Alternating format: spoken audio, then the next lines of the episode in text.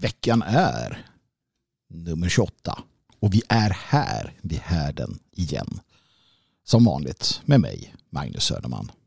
Om du trodde att troll och tomtar bara hörde vintern till så har du väldigt fel. De är lika aktuella under sommaren som du ska bli varse. Idag också svaret på frågan vad ska jag göra då?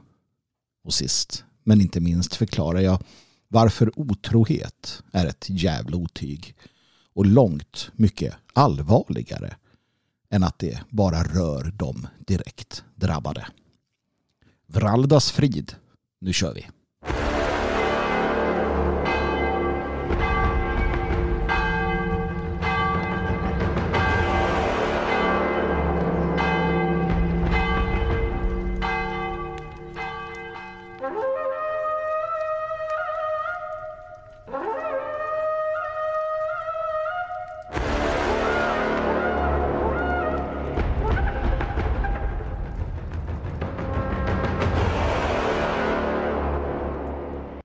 Har ju turen att ha Tiveden här nästgårds precis. Inte bara nästgårds, jag kan gå ut ur huset och eh, gå en skogspromenad på någon kilometer eller två och sen är jag vid randen av Tiveden. Det är inte helt illa kan man lugnt säga. Även om eh, andelen flugor som just för tillfället eh, kommer och hälsar på så fort man går in från åkrarna in i in i skogen kan få eh, den tappraste att känna att man kanske ska vända om i alla fall för stunden. Men det där går i vågor. Tiveden, ja. Tiveden. Den djupa skogen med vargavidderna eh, i närheten. Det är mystiskt och magiskt här. Trevligt på alla sätt och vis. Och det finns troll här, ska ni veta.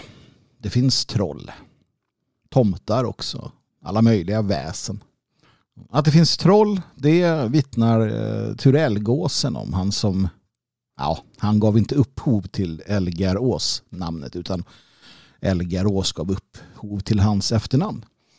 Turellgåsen som bodde här och eh, gjorde utflykter, exkursioner i Tiveden. Skrev böcker och, och lärde känna, lärde känna hela den lokala historien. Och han sa att det fanns troll här. Han hade sett dem. Jag vet inte om han till och med hade träffat och pratat med dem. Jag tror det. Troll. Mm. När man säger troll så får man ju en uppfattning om... Eh, man har ju en tanke om hur de ser ut och hur de är. I min värld så är troll inte så trevliga. Och det beror nog på att jag har läst och tittat på väldigt mycket av litteratur och, och liknande som, som visar trollen som ganska elaka. Det är bara att titta på trollen i Sagan om ringen eller i, i boken om Bilbo, om hobbiten. Eh, när de där trollen ska äta upp honom och så vidare. Och det är klart att trollen i mytologin har det syftet. I, i myterna och berättelserna, det har det syftet. Om vi, om vi tittar på på äldre tid. Kanske när vi eh, för länge, länge, länge sedan låg i strid med neandertalare eller hur det kan ha varit. De där lite mer fyrkantiga och robusta. Såg ut som troll kanske för en gammal kromagnon som ut och gick. Eller eh, vilka vi nu var och hur. Det lever vidare och det blir mytologiska varelser. Det är den tråkiga, den tråkiga förklaringen. Den mer spännande och den som passar mig mycket bättre det är ju att trollen faktiskt finns och tomtarna och, och alla andra väsen. Jag brukar ju säga, och ni har väl hört det till leda vid det här laget, att jag är romantiker. Och jag menar att nationalismen som grundidé är romantisk, idealistisk. Materialismen, det hör inte oss till. Det är bolsjevikerna som kommer dragandes med detta. Och då kan man göra misstaget att tro att romantik bara handlar om relationer. Att det bara handlar om eh, trubadursånger och manligt, kvinnligt, mänskligt. Så är icke fallet. Det är naturligtvis en del av det. Men eh, en eh, lika stor beståndsdel av det romantiska sinnelaget det är dragningen man har till det ljuva, det känslosamma, det gåtfulla och det mångtydiga i tillvaron.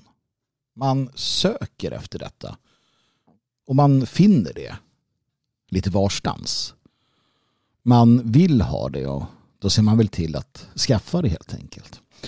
Man är inte nöjd helt enkelt. Man är inte nöjd med den materialistiska chimär som sätts upp av krafterna och makten som är som vill få oss att bara vara konsumenter och producenter som vill få oss att swipa höger och vänster och uppåt och neråt och konsumera en allt väsentlig låtsasvärld på nätet. Det må vara så att den romantiska världen med tomtar och troll också är skapad. Men den är i vart fall äkta på ett djupare plan. Trollen, mm, de finns här ute. Och tomtarna. Jag läste häromdagen om Tomten av Viktor Rydberg. Jag vet inte om du har... Det är en sån där man hastar förbi på julen. Den ska läsas upp. Och sen går man vidare men den innehåller ett, vågar jag hävda, helt, om du så vill, religiöst program. Det är en trosskrift. Den utmejslar, ställer frågor och, och ger svar som, som fyller en själ. Jag läste den här om dagen och insåg detta. Och insåg att eh, den inte bara har med vintern att göra, även om den utspelas på vintern. Det är inte så att tomtarna, våra hustomtar, går i någon form av semester på, på våren och sommaren. Absolut inte. Och inte trollen heller. Trollen, ja. I sagorna är de oftast ganska onda. Om vi tittar på den eh, mytologiska aspekten. Tor och jättar och troll och allt vad det nu kan tänkas vara som finns. Jättarna och trollen skulle ju kunna vara synonyma med varandra menar jag. Alldeles oavsett så var trollen med största sannolikhet fram till kristnandet och säkert lite därefter en, en, en sinnebild för något ondskefullt, något eländigt. Något spännande och kittlande såklart, men ändå. Efter eh, kristnandet så verkar det som att vi får en annan relation till, till trollen, i alla fall till del. Va? Och det är lite intressant att se hur, eh, hur det går till. Antagligen så har vi då så att säga trollen har blivit trollen har blivit överflödiga i någon mån. Och de, de intar en plats tillsammans med de övriga sagoväsendena. Vi har djävulen, vi har Gud. Och vad behöver vi då trollen till? Så när trollen då kommer in i litteraturen och konsten, om vi tittar i början på 1800-talet, äh, eh, början på 1900-talet, så är det någonting helt annat som dyker upp. Och jag vill att vi ska bekanta oss lite grann bara, lite snabbt med en av dem som utan tvekan har gjort trollen till var mans och kvinnas egendom och det är John Bauer. Jag vet att Johan Bauer, ursäkta. Jag vet att, ehm, jag vet att ni, ni alla känner igen namnet. Johan Bauer växer upp i Småland. Han är han är tysk förvisso men blir då smålänning. Och jag har själv eh, funnit en ny, eh, ett nytt intresse för Eh, Småland, framförallt Blekinge. Eh, eftersom att jag har anor därifrån. Eh, anor som har blivit mer viktiga för mig. Som har fått en renässans. Jag har ju alltid sett mig själv först och främst som rospigg. Och nu inser jag vilken fantastisk kombination rospigg och Blekinge bo eller Blekingeman eller blekinge. Blekinge hur man nu säger här. Och då stötte jag ju på Johan Bauer såklart. Jag gjorde det i och för sig ska jag vara ärlig och säga innan jag visste att han var smålänning. Jag stötte på honom i smålänningshyllan på Böckernas hus där jag ibland är och tittar. Och eftersom jag fullkomligt älskar hans konst så eh, köpte jag boken och läste lite. Jag ska be att få läsa för dig ur den här boken. Trollen finner man tidigt i Bauers konst. Redan omkring 1900 befolkas hans naturalistiska skogslandskap ibland av fantasivarelser. Och 1904 gjorde han en målning som var en illustration till Gustaf Frödings diktet Gammalt bergatroll. Den godmodighet och den dumhet som karaktäriserar Frödings bergatroll finner man också hos John Bauers troll. Dessa och skogens andra väsen i Bland tomtar och troll har ingenting av hemskhet över sig. De plirar på ett godmodigt men lite slött sätt. De låter sig alltid luras av den käcka vallgossen eller prinsarna. Men de väcker alltid vår sympati. John Bauers troll skrämde aldrig något barn. De bara kittlade i spänningens ögonblick och ingick därefter på nytt en förening med naturen i form av stenar, rötter och stubbar. John Bauer tolkade det svenska trollet så som det svenska folket ville se sina troll från folksagorna men också så som man upplevde dem i en tid då naturen stod nära människan. Då dunklet i skogen eller i stugans mörka hörn alltid gav tillfälle till fantasins flykt och svårförklarliga händelsers onaturliga förklaring. Ett romantiskt natursvärmeri och en upplevd respekt för storskogens ångestfyllda innehåll av kryp och varelser präglar John Bauers konst och ger den det spänningsmoment som gjort den till en av folkkonstens rikaste skatter. Ja, hur sant är inte det? Hur sant är inte detta? Trollet för oss är inte riktigt det där trollet som man har sett i de norska filmerna som har kommit. Det där stora arga trollet. Som egentligen inte var så argt heller när allting kommer omkring. Nej, någonstans så försvann det onda trollet och ersattes med ett mer godmodigt troll. Sen kom eh, Pixar eller Disney eller vilka det var förstörde allting med Shrek som jag vet inte vad det är för någonting. Det har ju ingenting med vår nordiska nordiska natur att göra i alla fall. Som vanligt när Hollywood får, får sina labbar på någonting så blir det inget bra. Nej, John Bauers troll. Där har vi dem. Och de är inte onda, de är bara kanske en representant för någon kaotisk naturkraft som, som är svår att tygla, svår att tolka, svår att förstå som väcker ett visst mått av ångest inom oss. En viss mått av rädsla. Jag, jag vet ibland när jag är ute och går.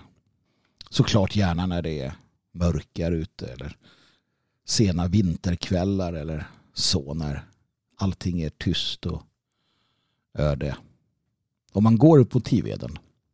Kan också vara på morgonen. Hände för inte så många dagar sedan. När solens strålar värmer. Man går längs vägen. Och man kommer till en backe. Och man eh, lämnar fälten bakom sig. Precis.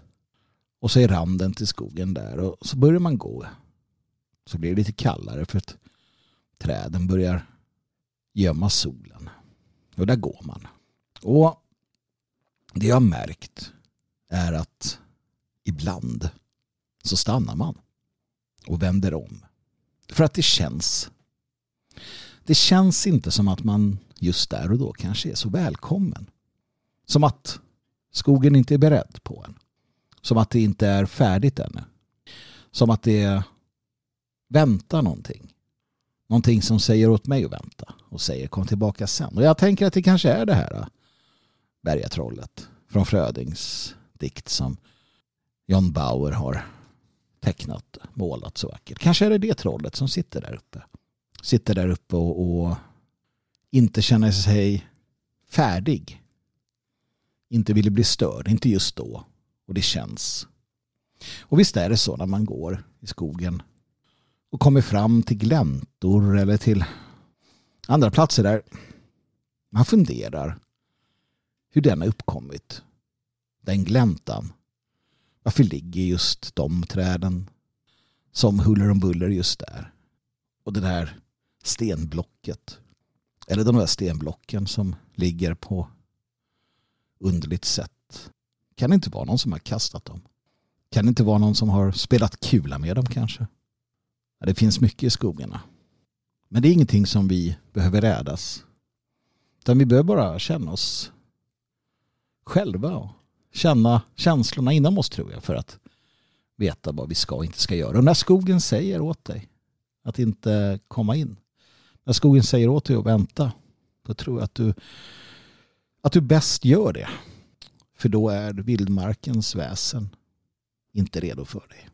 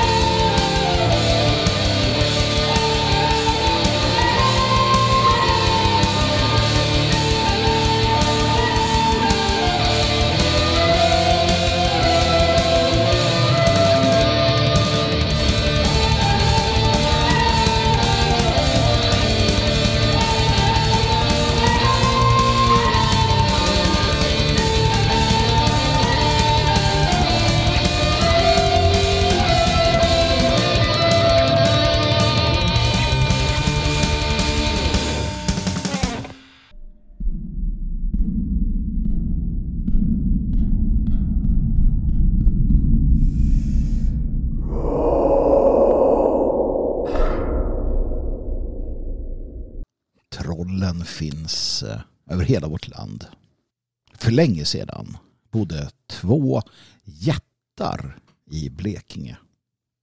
Den ena hette Roten och den andra Mör. De kom överens om att gräva varsin å från Småland ner till Östersjön. Den å som först blev färdig skulle få gott om fisk men den andra åstadkomma stor skada så började de arbeta. Mör ledde sitt vattendrag från Åsnen genom en djup och fruktbar dal i västra Blekinge. Roten däremot började vid Rottnen och träffade på en stenig och besvärlig mark. Men han strävade så svetten lackade och kom längre och längre ned mot söder. Då plötsligt ett stort berg stängde vägen så att det var omöjligt för vattnet att ta sig fram. För att Överblickarna i den steg han upp på berget men blev så överväldigad av den vackra syn som mötte honom att han föll i hänryckning och glömde sina bekymmer. Nedanför honom låg fagra ängar, kullar och berg i en krans av ek och bokskog. Plötsligt stod bredvid honom en jättekvinna som mör skickat för att spana. För henne berättade roten om sina svårigheter. Hon låtsades ömma för honom, talade tröstande ord och bjöd en dryck som sades äga en underbar kraft. Jätten drack begärligt, men det var en sömndryck och han somnade. Under tiden arbetade Mör oförtröttat och kom närmare och närmare målet. Då roten äntligen vaknade hörde han dånet av floden nere vid havet. Nu förstod han förräderiet, rusade upp och slungade i vredesmodet klippstycke mot berget så att det rämnade och vattnet störtade genom. Men det var för sent. Mör hade vunnit. Jättekvinnan tog till flykten och roten kastade efter henne en stor sten som blev liggande mellan Karlshamn och Ronneby. Det är Hoby altare. Rämnan kallas Djupafors och finns än idag.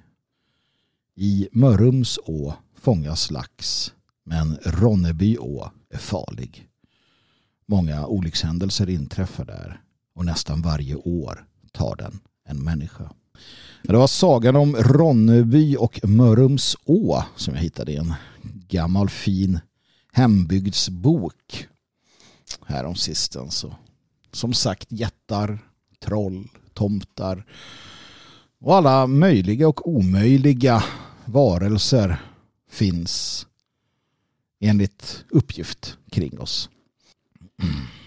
Jag gillar tanken, och jag gillar, jag gillar att leva i en värld där det är så.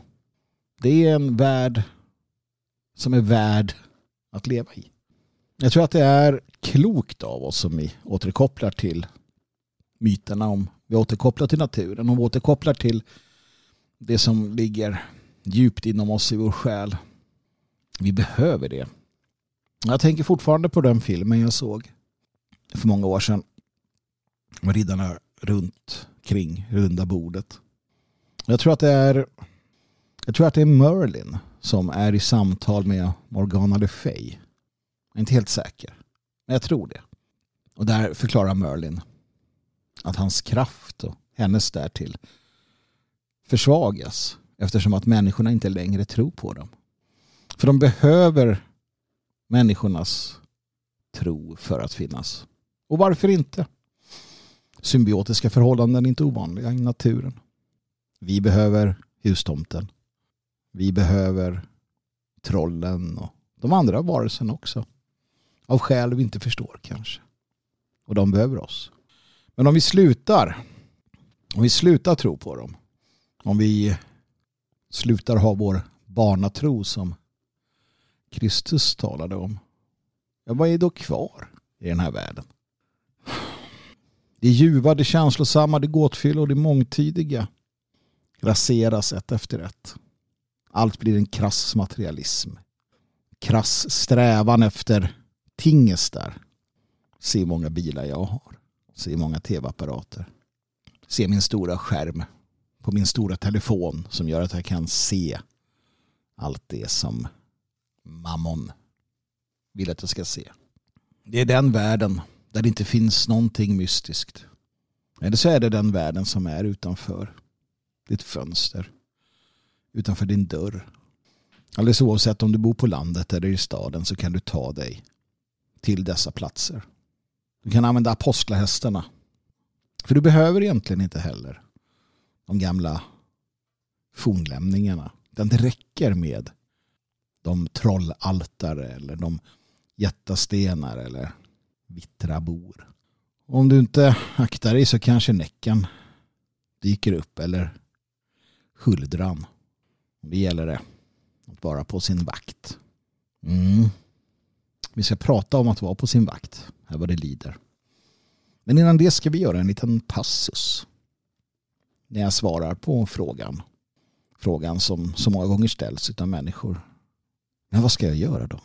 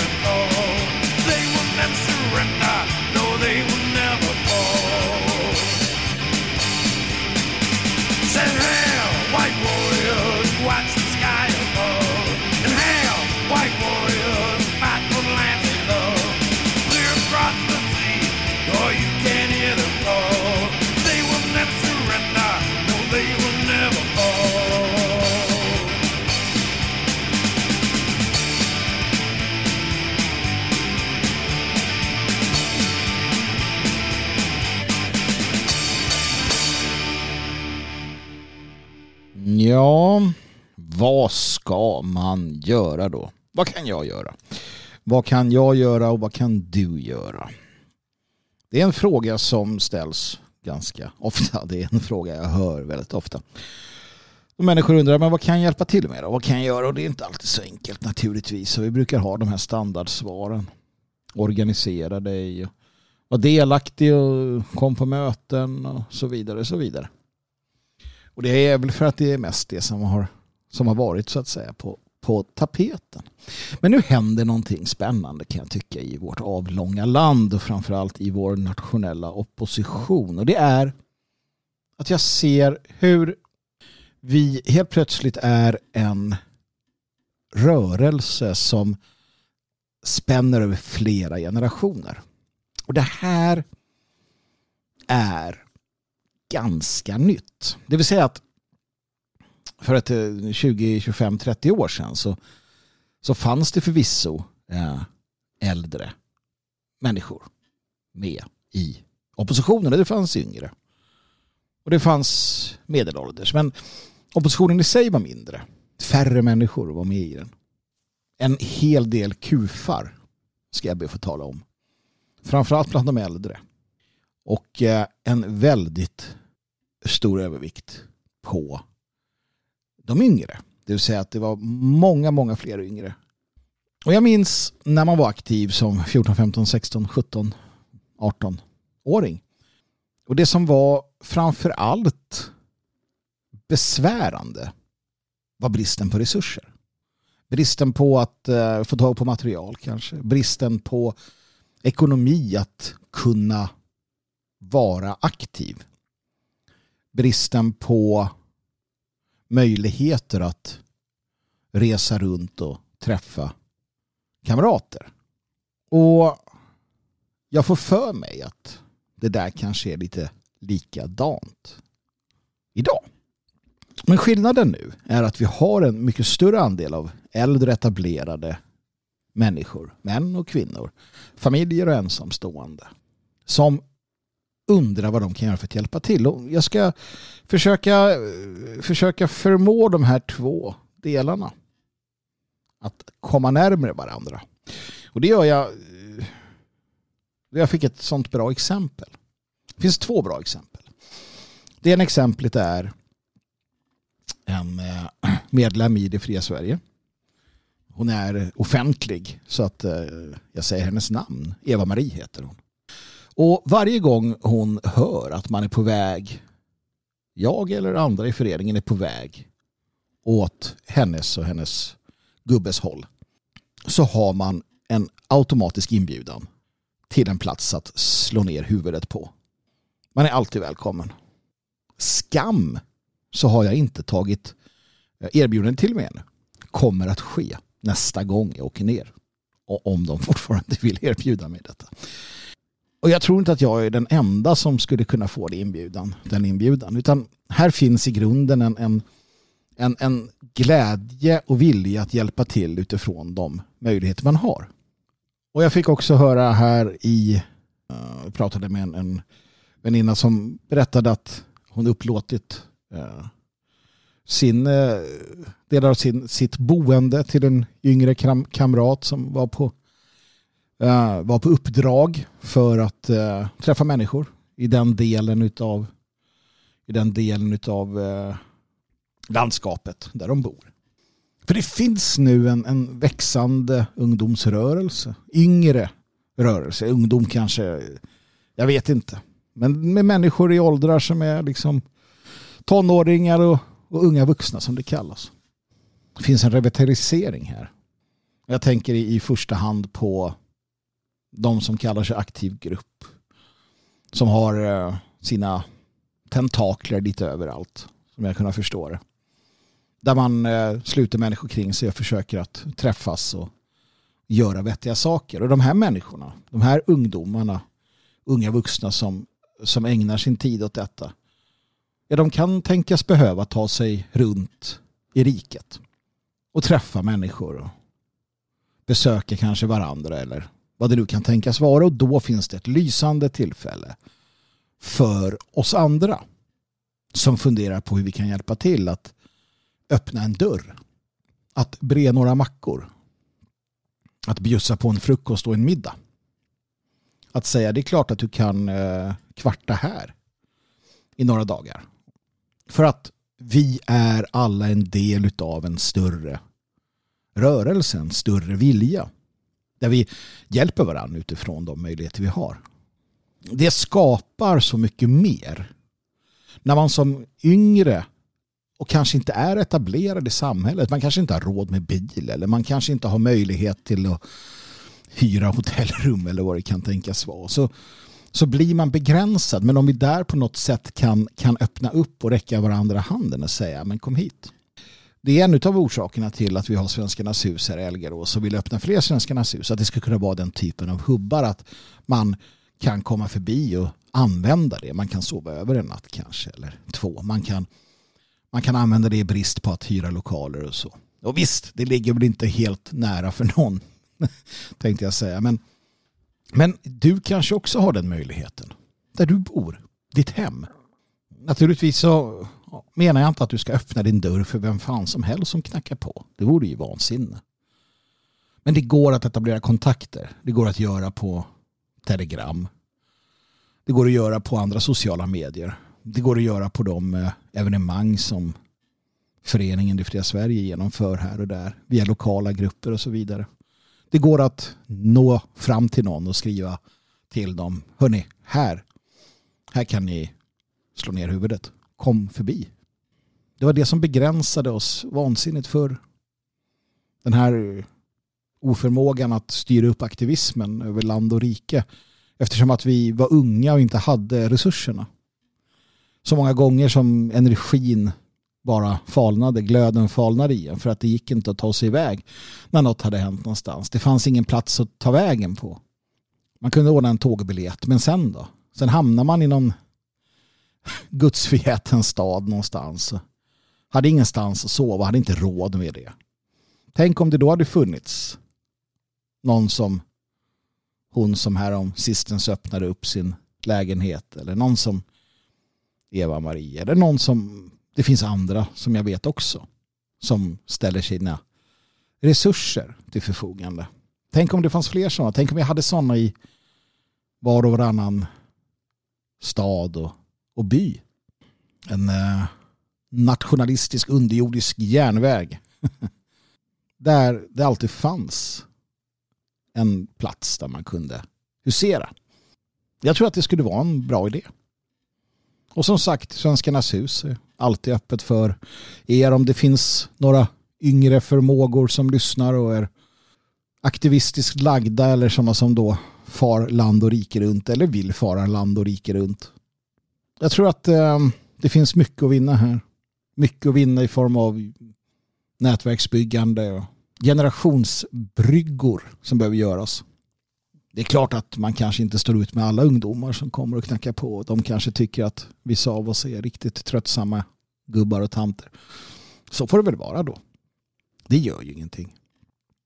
En natt eller två kan man klara av. Och det, det ligger liksom ingen värdering i detta utan det ligger bara en, en utsträckt hand, en, en idé, en, en förhoppning. Att det kan vara en jävla bra idé. Och ni där ute som, som ställer upp, som finns, hatten av till er. Ni som skjutsar eller ni som hjälper, ni som hämtar, ni som lämnar, ni som öppnar upp en dörr. Eller som på andra sätt stärker upp. För hur den är så ungdomen har den här kraften och vitaliteten och viljan. Men ofta inte resurserna. Och ju äldre man blir desto tröttare blir man. Mycket i livet som, som, som kallar. Det är barn som ska skjutsas och det kan vara allt möjligt. Och då gör man det man kan. För ingen kan göra allt men alla kan ju göra något. Och det blev så tydligt när jag tänkte på det, när jag fick de här exemplen. När jag tänkte på de här exemplen. Att tänk om fler var som, som de här människorna. Tänk om fler av oss hjälpte till. Sådär osjälviskt härligt. Det var det jag ville ha sagt om det här. Jag tänker inte starta någon B&B eh, där ni kan gå in och hitta vart det finns människor att träffa och sammanföra. Det är inte min det är inte min, min uppgift känner jag. Men som sagt, det finns sociala medier, det finns olika typer av eh, platser och det finns trevliga gemensamma, trevliga, trevliga tillfällen att träffas på där man kan sluta överenskommelser och komma fram till saker och ting. Och det tycker jag ni ska ta, ta chansen till så att vi får den här, den här möjligheten att fler ställer upp. Det är också ett sätt att överflytta det som händer i den verkliga världen. Och det är ju någonting som definitivt behövs. Vi kan få en levande aktivist, eh, en levande aktivism på, på rätt nivå genom att dra nytta av alla möjliga och omöjliga möjligheter som finns där ute.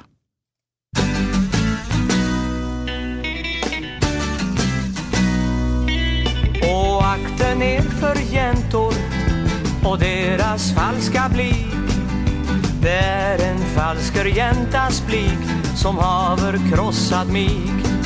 Med blyg har hon betagit mig med plig har hon bedragit mig. Hon bligade åt alla, hon bligade åt mig. Hon lovade att följa mig på livets tunga stig Men kom en annan och vinkade Hon neg och blek och blinkade. Hon neg och blek åt alla och sade alltid ja. Ty allesamman gossarna, den ville jäntan ha? Morraken ta allt liggande Och blinkande och bligande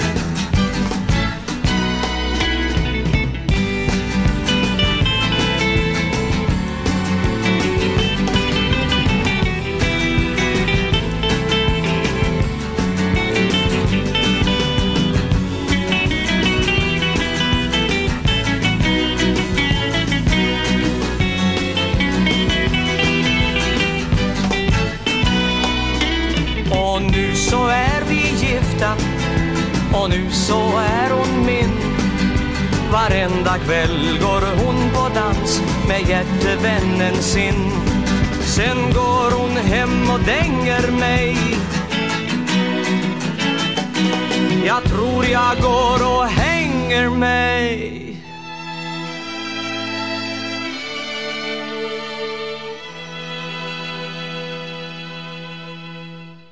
Det där är alltså en um, tonsättning utav Frödings dikt. Um, Jänta blig. Och jag tänker att det där eh, inleder uh, till det jag ska prata om nu.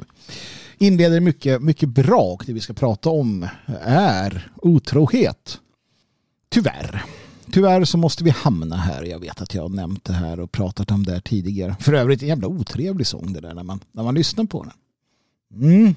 Inget nytt fenomen kanske. Men vi måste börja med att reda ut en sak här. Och det är det man inte gör i denna tid. Um, för att det som, det som så att säga har fått uh, igång mig den här gången det är en, en uh, förvisso lite äldre artikel men en artikel av en Vesna Prekopik och uh, Ann Heberlein. Men det dyker upp med jämna mellanrum på kultursidorna. Den här typen av artiklar där uh, lata och, och liksom ideologiskt slappa ganska obehagliga och fraktfulla kvinnor. För det är kvinnor i allt väsentligt. För de kommer undan med det. Skriver om eh, otrohet och vad är det att bråka om och vad, varför skulle man inte kunna få tillfredsställa sin kvinnliga eh, sexualitet med flera bla bla bla bla bla. Och det är ju barn av sin tid. En eh, fallen tid. Och det är inte så mycket att eh, det är inte så mycket att, att, att, att hetsa upp sig över naturligtvis eftersom att det är som det är och vi kan inte förvänta oss någonting annat. Men lyssna bara på, lyssna bara på det här som eh, Vesa Prekopik skriver. Ju äldre jag har blivit, desto mer har jag funderat på varför otrohet fortfarande anses vara det största sveket i en kärleksrelation. Ja, jag förstår ju att det handlar om ledet kärlek i konstruktionen kärleksrelation. Den, det där exklusiva, den där exklusiva sexualiteten ses som en premiss för relationen. Det är underförstått att de sexuella känslorna och aktiviteterna ska finnas där och endast där. Skulle de dra åt något annat håll är det fel på relationen och slut på kärleken. Det är märkligt och trångsynt men det bygger på den romantiska idén om att en person ska kunna tillfredsställa alla behov. Jag tror det är omöjligt men vi intalar oss att det går eller bara nöjer oss med det vi har. Och den här slappa moderna materiella synen på en relation. Alltså jag hoppas att ingen man någonsin går i närheten av Esa Prikopik. Alltså denna, denna babyloniska sköka. Och, och nej, det är inte det sexuella, exklusiva sexuella som det handlar om. Det är inte det. Men den här människan är så dum i huvudet och så hatfylld mot tradition och och, och liksom själva, eller okunnig. Att, att hon tror att det är det det handlar om. För det är det de får det till. Och det är väl för att det kanske finns en liten upphetsning när hon skriver om det här. Att hon, hon känner sig lite edgy, lite ja, sådär spännande, farligt. Men det är ju bara platt och dumt och korkat. För att det handlar inte om det sexuella som hon vill göra gällande. Även om jag menar såklart att, att det finns en exklusivitet. Och du kanske gör det också som lyssnar. Eller inte. Det där är inte, det där är inte min sak att lägga mig i. Om du och din partner, du och din man eller du och din hustru, om ni har, om ni har en, ett arrangemang som fungerar så är det talat, det tänker jag inte lägga mig i. Kul för er, bra för er. Men det är inte det hon säger. Det är inte det Prekopik är ute efter. Absolut inte. Utan det hon säger är att otrohet, att hon inte förstår för otrohet är det största sveket. Jag fortsätter att läsa vad, vad Heberlein säger. Inte alla, men många av mina väninnor som lever eller levt i längre förhållanden har varit otrogna i den traditionella meningen. Svenska kvinnor är otrogna oftare än män. De har legat med någon annan än den de svurit trohet. Eller kanske bara haft en fling med vissa fysiska inslag. Kysst en kollega i drucket tillstånd. Eller messenger-flörtat med en tidigare pojkvän. Ingen av de här affärerna har lett till några skilsmässor och ärligt talat inte heller till några djupare skuldkänslor eller självklander. Tvärtom faktiskt. En erotisk eskapad med någon annan än den som man diskuterar städning och amorteringar med tycks ha en uppiggande effekt på den sexuella aptiten och vitaliserar en något loj relation. Jag hoppas att ingen man någonsin kommer i närheten av denna Heberlein.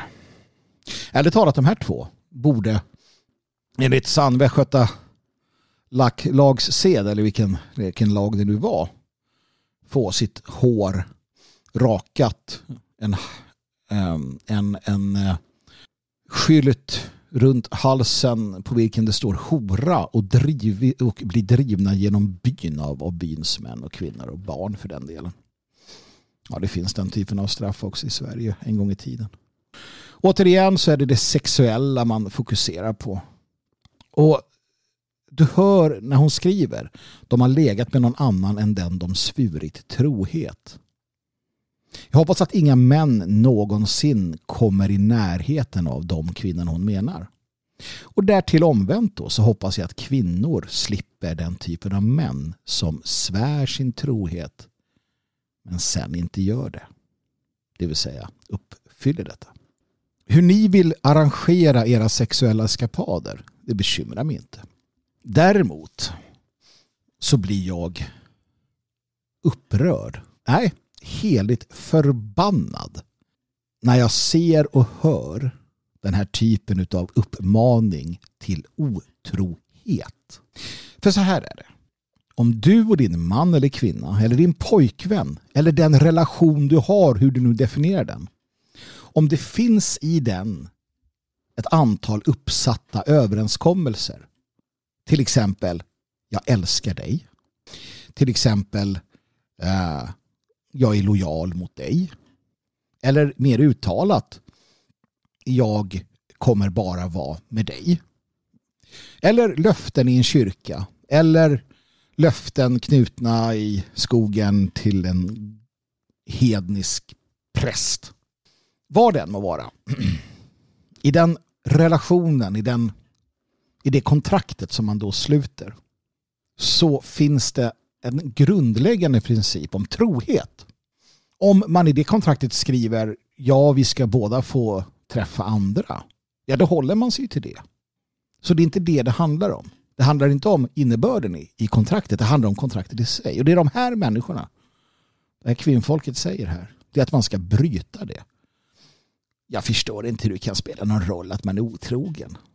Och det är här hela saken havererar. Det är här det blir fullständigt absurt. Det är här allting sägs. För det är inte en öppen relation de är ute efter, utan otrohet. De vill ha otroheten. De vill ha sveket. De vill svära trohet och sen svika. Det, det, är vad de säger och det är ofta det.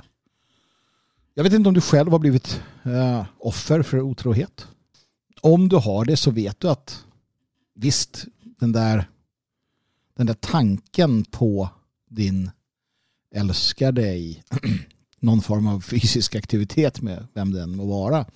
Det gör ont. Det är inte kul. Men det kommer du, det kommer du så att säga över.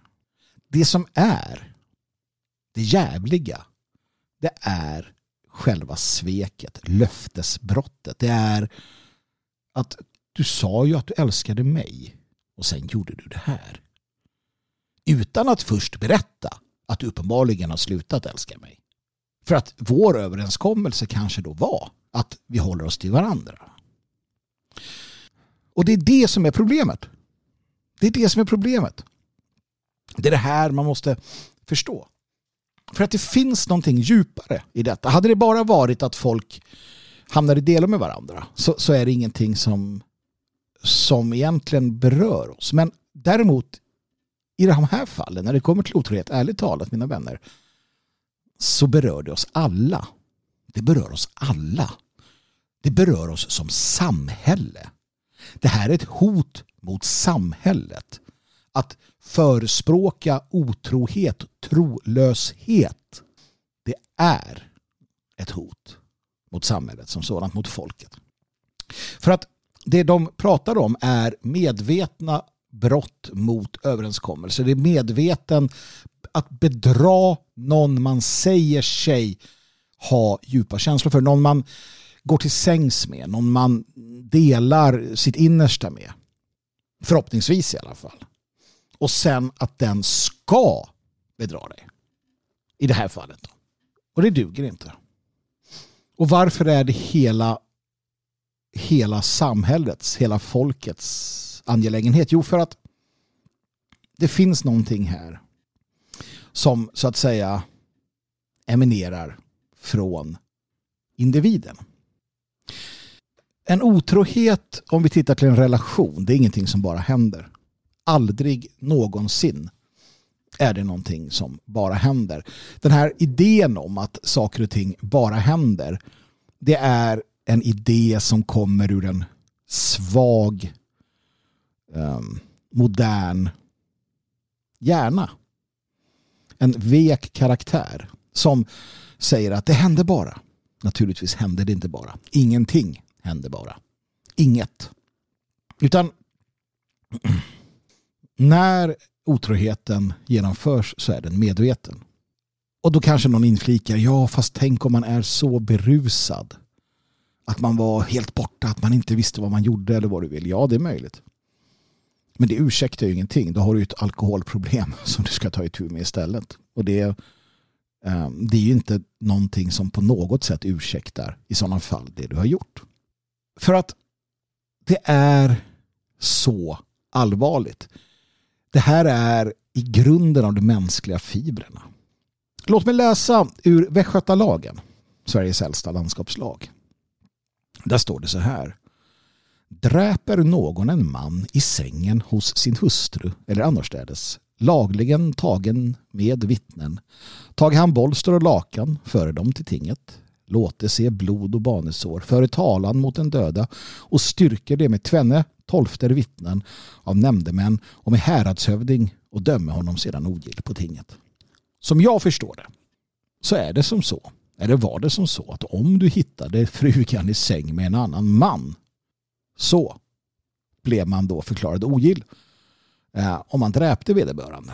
Påminner lite om sådana här passionsmord. Jag tror fransmännen hade en sån, en sån eh, lagstiftning också, eller kan ha haft en gång i tiden. Det vill säga att man har en förståelse för att det kan gå så illa. Och det är ju någonting som händer i en när, när det kan gå så illa, när du alltså blir modisk. Och det talar ju emot, alltså det här är ingenting som, som har liksom kommit med litteraturen eller med någon kultur, utan det här är en djupt inneboende äh, äh, djupt inneboende programmering hos oss. Att det här händer inte. Du ger själva fan i min kvinna. Och, och även när, när kvinnan är ansvarig och skyldig, vilket då både Hevlein och Prokopik konstaterar är mer ofta än sällan. Alltså kvinnor är oftare otrogna än män. Av uppenbara skäl tycker jag. Ehm, så ehm, så, så finns den här inbyggda att, att eh, man ser sin kvinna i det här fallet då som mer oskyldig. Sen brukar det där ändå eh, med så att egentligen om man tittar på det rent logiskt så är mannen oftare kanske oskyldig för han vet inte ens om att kvinnan är eh, upptagen så att säga. Men alltså det var så allvarligt man såg på detta. Och under karlarnas tid, alltså konung Karlarnas tid i Sverige, så, så var det alltså belagt med dödsstraff. Otrohet. Det var belagt med dödsstraff. Det finns exempel på Eh, både män och kvinnor som förlorade huvudet ehm, när de var, hade varit otrogna. Så allvarligt såg man på detta. Och, och, hur, hur, hur, hur motiverar man det här, tänker ni? Har ni någon tanke själva? Tänk den innan jag förklarar. För att det är klart att det kan låta absurt, speciellt med våra moderna öron. Att va? Högg man huvudet av en kar i, i, i Karl XIIs armé? En officer kanske? Eller någon som högg han huvudet av henne? Ja, det hände.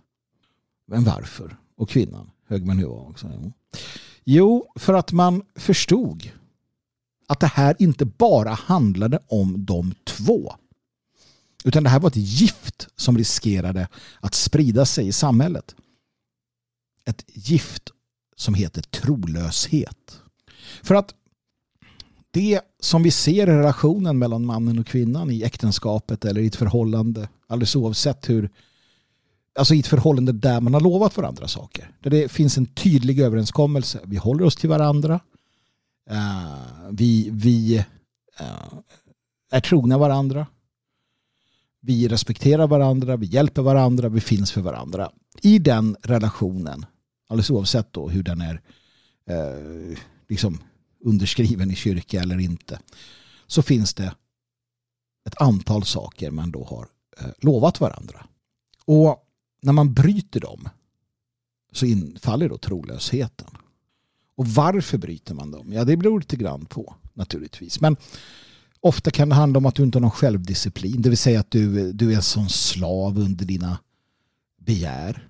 Och det här kan vara sånt som händer i ungdomen och du växer ifrån det eller du övar upp det. Men du är slav under begären. Du kan inte hålla dig. När tillfället ges. Hur mycket löften du än har lovat så ger du dig till, hänger du dig till köttet. Det, det, det är en sak. Det andra är den här förmågan att då ljuga och upprätthålla lögnen som är en, en djupt liggande egoism. Heberlein är inne på detta när hon säger att de, de äktenskapen som hon visste om med de här kvinnorna som varit otrogna, de har inte gått i krasch. Nej, det kanske beror på att de här kvinnorna ljuger för sina män fullt ut, blånekar eller ljuger. Och vad är man för människa som ljuger för den man säger sig älska eller som man har avtalat med att vi två ska. Man säger inte till sin, sin partner här att så här, nej jag har tröttnat, jag, vill, jag går ur det här. Jag, jag utträder ur vår överenskommelse, det gör man inte. Utan man bara skiter i det och så ljuger man om det. Och som Prekopek är inne på i en annan del av artikeln, hon skriver varför ska man inte kunna äta kakan och ha den kvar? Egoismen, självdisciplinen som saknas, den här förmågan att ljuga, den här lättvindigheten inför trolöshet. Hur, och det är nu vi kommer till varför det här är ett gift för samhället. Hur ska man kunna lita på en sån här person när det gäller något annat? Ta ÖB. Sveriges ÖB som var otrogen mot sin hustru med den här eh, polistjejen. Han borde få gå på dagen. Sparkad. För hur kan vi ha en ÖB som är beredd att svika sin hustru och det är löften man har givit? Hur kan man vilja ha en chef som gör det. Vem det än är, i vilket sammanhang det än är. Återigen, visst, det finns omständigheter. Yngre människor, det kan finnas saker och ting. Jag, jag, jag, jag liksom, vi pratar inte om undantagsfall, utan jag pratar generellt här. Och det man ska vara på jakt efter det är notoriska. Notoriska otrohetstyper. Framför allt naturligtvis. Det, det är utifrån ett samhällsperspektiv värt att ta i beaktande. För att de här människorna. Och nu blir det fler och fler och fler då vi ser hur den här typen av propaganda sprids ut. Att du ska vara otrogen. Du ska vara otrogen. Du ska vara otrogen. Och det kommer naturligtvis påverka och det kommer att skapa trolöshet i samhället. Nu förstår man kanske bättre varför man hade nolltolerans mot detta. Eller tanken var det i alla fall. För att det är farligt för det här samhället. Trohet och tillit är ju fundamentalt för ett samhälle. Vi, vi pratar om high trust-samhällen. Och det är inte bara massinvandring eller korruption som, som förstör den här tilliten. Det är också att människor är trolösa i det mest grundläggande. Om de ljuger för sina män eller sina fruar, om de bedrar sina män eller sina fruar, ja då är de trolösa. Så enkelt är det. Det ena ger det andra. Uppemot 75 procent enligt vissa mätningar är otrogna idag. Kvinnor som sagt oftare än män. Och hälften av alla hälften av alla äktenskap slutar i skilsmässa. Inte så sällan på grund av otrohet. Va?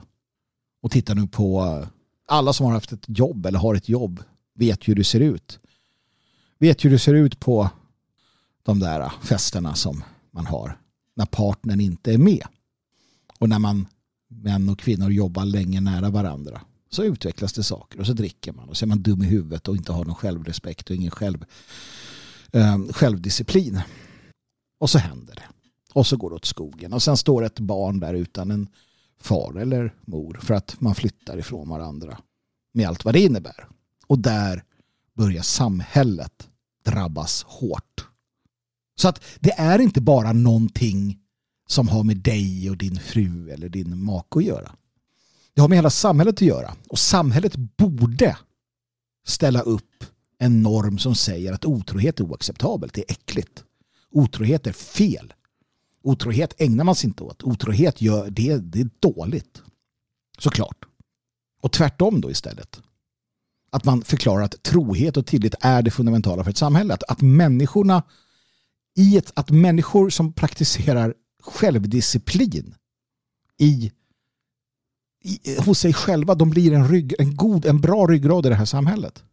Och det bör vara tydligt att den som praktiserar eller accepterar otrohet eller illojalitet och löftesbrott är en nidning som var och en av oss bör vända ryggen. Man borde skamma dem. För att om du inte kan lita på människor i deras relation med sin make eller hustru som de har svurit sin trohet till. Hur kan du lita på dem i en revolutionär samman, i ett revolutionärt sammanhang? Ett råd till er unga män som bildar era uh, mannaförbund. Släpp inte in en otrogen. Släpp inte in en trolös, illojal människa. En människa som inte kan vara lojal mot sin kvinna, sin familj. Han är inte vattenvärd i ett sånt sammanhang. Tror du att han är lojal mot dig? Tror du han är lojal i de sammanhangen när han inte kan vara lojal um, på det sättet? Återigen, det handlar alltså om att, löfte, att bryta löften. Sagda löften. Har ni en annan, eh, har ni en annan ordning i hur ni lever era liv? Det, det, som sagt, det är inte det det handlar om. Det här är inte en sexualmoralisk predikan. Det här är en, en vilja att få er att förstå att har man sagt någonting så håller man det. Och det är därför Kristus är så tydlig i Bibeln. Han säger att du ska inte ens titta på en kvinna med lust. För du bryter äktenskapet. Det är för att om det här är starka krafter nämligen. Sexualitet och, och lust och förälskelse. Det är starka krafter. Och därför måste man vara väldigt, väldigt, väldigt noggrann. Om du på ditt arbete har en kille eller tjej som du känner att du får att du har ett intresse för. Men att du samtidigt har då en, en relation. Ja, då måste du hindra dig. Då måste du sluta eh, nära detta. Du måste vända ryggen. För du kan inte hantera det. Det är det Kristus säger. Det är bättre att riva ut ögonen. För att det är så pass viktigt. För det slutar kanske med ett löftesbrott. En trolöshet på nästa firmafest. Och det är en skam om det gör så. Det här är ju förutspått. Va? Hårt är i världen, hordom mycken. 75 procent är otrogna, det är mycken hordom det mina vänner. För det finns inga ursäkter. Otroheten består av två delar. Om du överflyttar den till ett revolutionärt sammanhang där man är en del av en gruppering som bekämpar en, en förtryckande stat. Om din kamrat då sviker gruppen. Han, han eh, han, han ger han, han, han bryter löftet och eden till er och går till motståndarsidan. Det kan inte förlåtas. Och det är exakt samma trolöshet. Det är exakt samma trolöshet. Det är därför man inte kan ha sådana människor i sin närhet. Människor som bryter löften. Människor som är trolösa. Det, det går inte. Det går inte. För att en, en man eller kvinna med ära och heder, de tar itu med problem. Ta med er det här. Man är lojal. Man tar itu med problem. Man ger inte upp utan kämpar på för att lösa dem eftersom att det är det rätta att göra. Och fungerar det trots allt inte, ja då går man skilda vägar. Man berättar för varandra att nu går vi skilda vägar. Sen ger man tid åt varandra därefter av respekt för det som har varit. Och sen kan man gå vidare. Det är det ärorika att göra. Och ja, lyssna nu. Det här gäller både vänskap, förhållanden och andra typer av sammanhang. Det kan vara ditt mannaförbund. Det kan vara i din grupp med dina kamrater. Det kan vara i din relation, ditt äktenskap. Du ska jävlar i mig vara lojal. Och du ska ta itu med problemen. Du ska fan ta mig inte ge upp. Och du ska kämpa på för att lösa dem. Men går det inte så måste du våga sätta dig ner med dina kamrater i gruppen och säga att det här funkar inte. Jag går min egen väg. Eller med ditt mannaförbund. Eller med din kyrka. Eller med din make, hustru, pojke eller flickvän. Och man ger varandra tid efteråt. Sen går man vidare. Det är vad som förväntas utav en man eller kvinna av ära. Och det gäller både vänskap och förhållanden. Och människor som Hebelain, Prekopik och andra som ägnar sig åt den här typen av hor. Och inte bara hor utan som uppmuntrar, uppmanar till det. Som vill att dina barn, mina barn, våra barn, vi själva ska strunta i allt, pissa på allt heligt. Svika löften, svika varandra. Vad spelar det för roll? Vad spelar något för roll? De ska skammas. De ska kallas för det de är. Babylons skökor.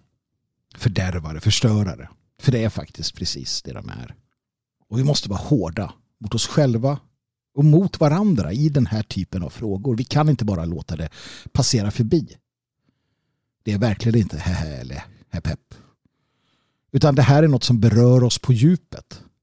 Och ska vi ha en stark en stark rörelse, en stark gemenskap som kan stå emot det som komma skall. Det som vi delvis lever i. Ja, då måste den kunna lita på varandra. Och människor du inte kan lita på i det lilla eller i det stora kan du inte lita på alls.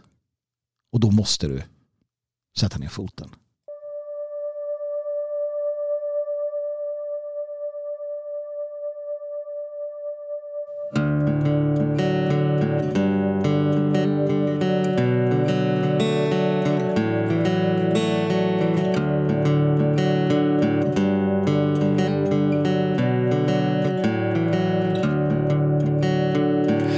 Eviga gravfält av betong och själlösa monument av vår tid har somliga blivit satta av tvång och finner aldrig någon frid.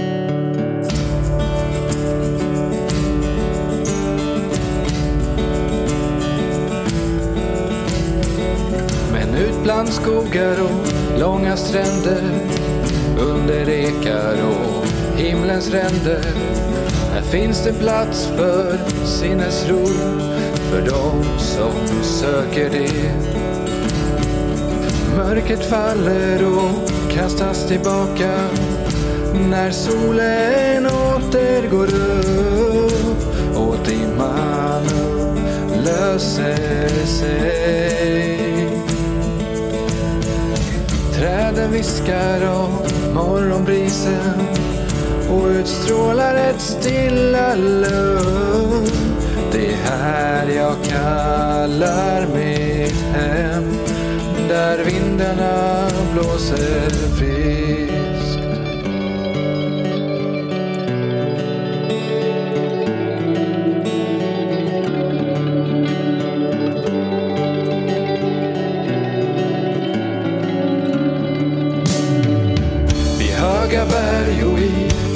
dalar vid havets kust och ändlösa ängar. förs jag närmre till förfäders salar där det välkomnar mig. Likt en dröm får jag upp i skyn som den fågel som reser sig ur askan. Och bara för en liten stund känner jag mig helt fri.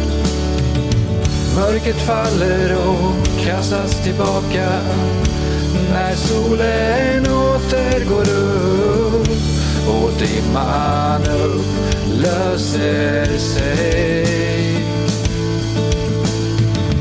Träden viskar av morgonbrisen och utstrålar ett stilla lugn. Det är här jag kallar mitt hem, där vindarna blåser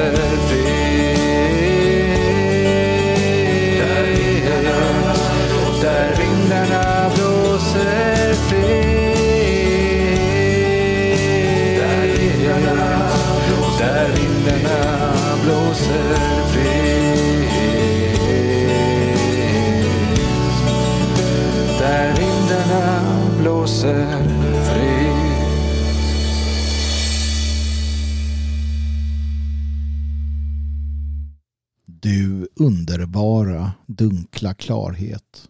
Du himmelska blå, som leende skänker dig till mig och lyfter min själ till svala rymder och helig stillhet. Du ljuva nirvana, där, badad i renhet, jag andar mig ut i oändligheten, men samlad igen i en återandning, döpt i trånad, sjunker tillbaka i jordens stoft. Jag känner mig, din frände, himlaborna, till ariskt blod, det renaste och äldsta, till svensk jag vigdes av en vänlig nona. Mitt folk har till symbol av sina anor fått himmelsblått i väna barnaögon och himmelsblått i ärekrönta fanor. Det var Himlens blå, Viktor Rydberg, som jag avslutar med. Avslutar mina vänner, mina vänner, mina vänner denna sommarspecial utav vid härden. Det är som sagt sommaruppehåll och eh, det blir lite si och så och då och då med publiceringen.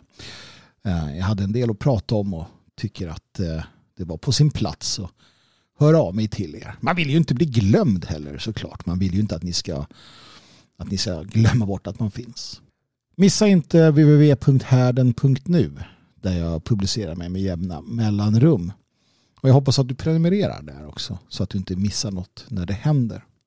Naturligtvis uppskattar jag mycket om du stöttar projektet ekonomiskt. Ehm, det kan du göra på olika sätt och vis. Till exempel då genom att på www.härden.nu eh, skapa en sån här eh, betalad prenumeration. Det är några stycken, en växande skara som gör det och det kostar i runda slängar kanske en 50-lapp i månaden. Mitt mål är att ha så mycket som möjligt eh, öppet, fritt och gratis. Jag vill inte, om det går, eh, låsa i onödan. Men som eh, betalande prenumerant får du bland annat exklusiv tillgång till högläsning vid härden där jag läser in mina egna artiklar men också annat som andan faller på. Samt naturligtvis full tillgång till arkivet. Men eh, också till minipoddarna som kommer med jämna mellanrum när jag känner att jag har något lite kortare att prata om. Du kan naturligtvis också ge en gåva om du vill. Via Swish på 0762-475672. Och skriv då gärna gåva. Det blir bäst så. Jag är ytterst tacksam för alla som hjälper till. Ytterst tacksam. På de sätt ni gör det. Det betyder väldigt mycket. Det är avgörande för många sätt och vis. Och naturligtvis till härdens eldvakter. Ett stort tack till er. Ni gör definitivt mer än vad som krävs av er. Och vill du stötta genom att eh, också få något specifikt för det så kan du alltid gå in på www.odalboden.se butiken för den moderna allmogen. Där hittar du stödprodukter för härden till exempel. Min egna designs under namnet Hagal och produkter för skydd och säkerhet. Det finns posters och det finns hantverk och trevliga saker för hemmet och för er alla. Så att besök odalboden.se. Följ mig på Twitter om du känner för det. Eller skit dit och, och gör något vettigt med livet istället för att sitta, sitta på sociala medier. Jag menar, läser du här den och Svegot och sådär så är du med på noten i alla fall. Svegot.se naturligtvis. Eh, varje vardag. Inte när det är sommar dock, men så sänder vi då live på YouTube och andra ställen. Detfriasverige.se Föreningen för dig, utan tvekan. Och logik.se, bara bra böcker där. Nu tackar jag för mig. Solen har nästan gått ner här i Elgarås. Jag ser hur den tittar fram bakom träden. Kanske tar jag mig en liten kvällspromenad. Ser om det är några troll ute. Eller jättar. Vet ju inte vad som finns i Tiveden. Skulle du inte höra av mig så ja, kanske är de som tar mig. Vem vet. Hörrni. Var varulvar. Slåss med troll. Befria prinsessor det är att leva det. Och vad den handlar om mina vänner. Ge aldrig upp.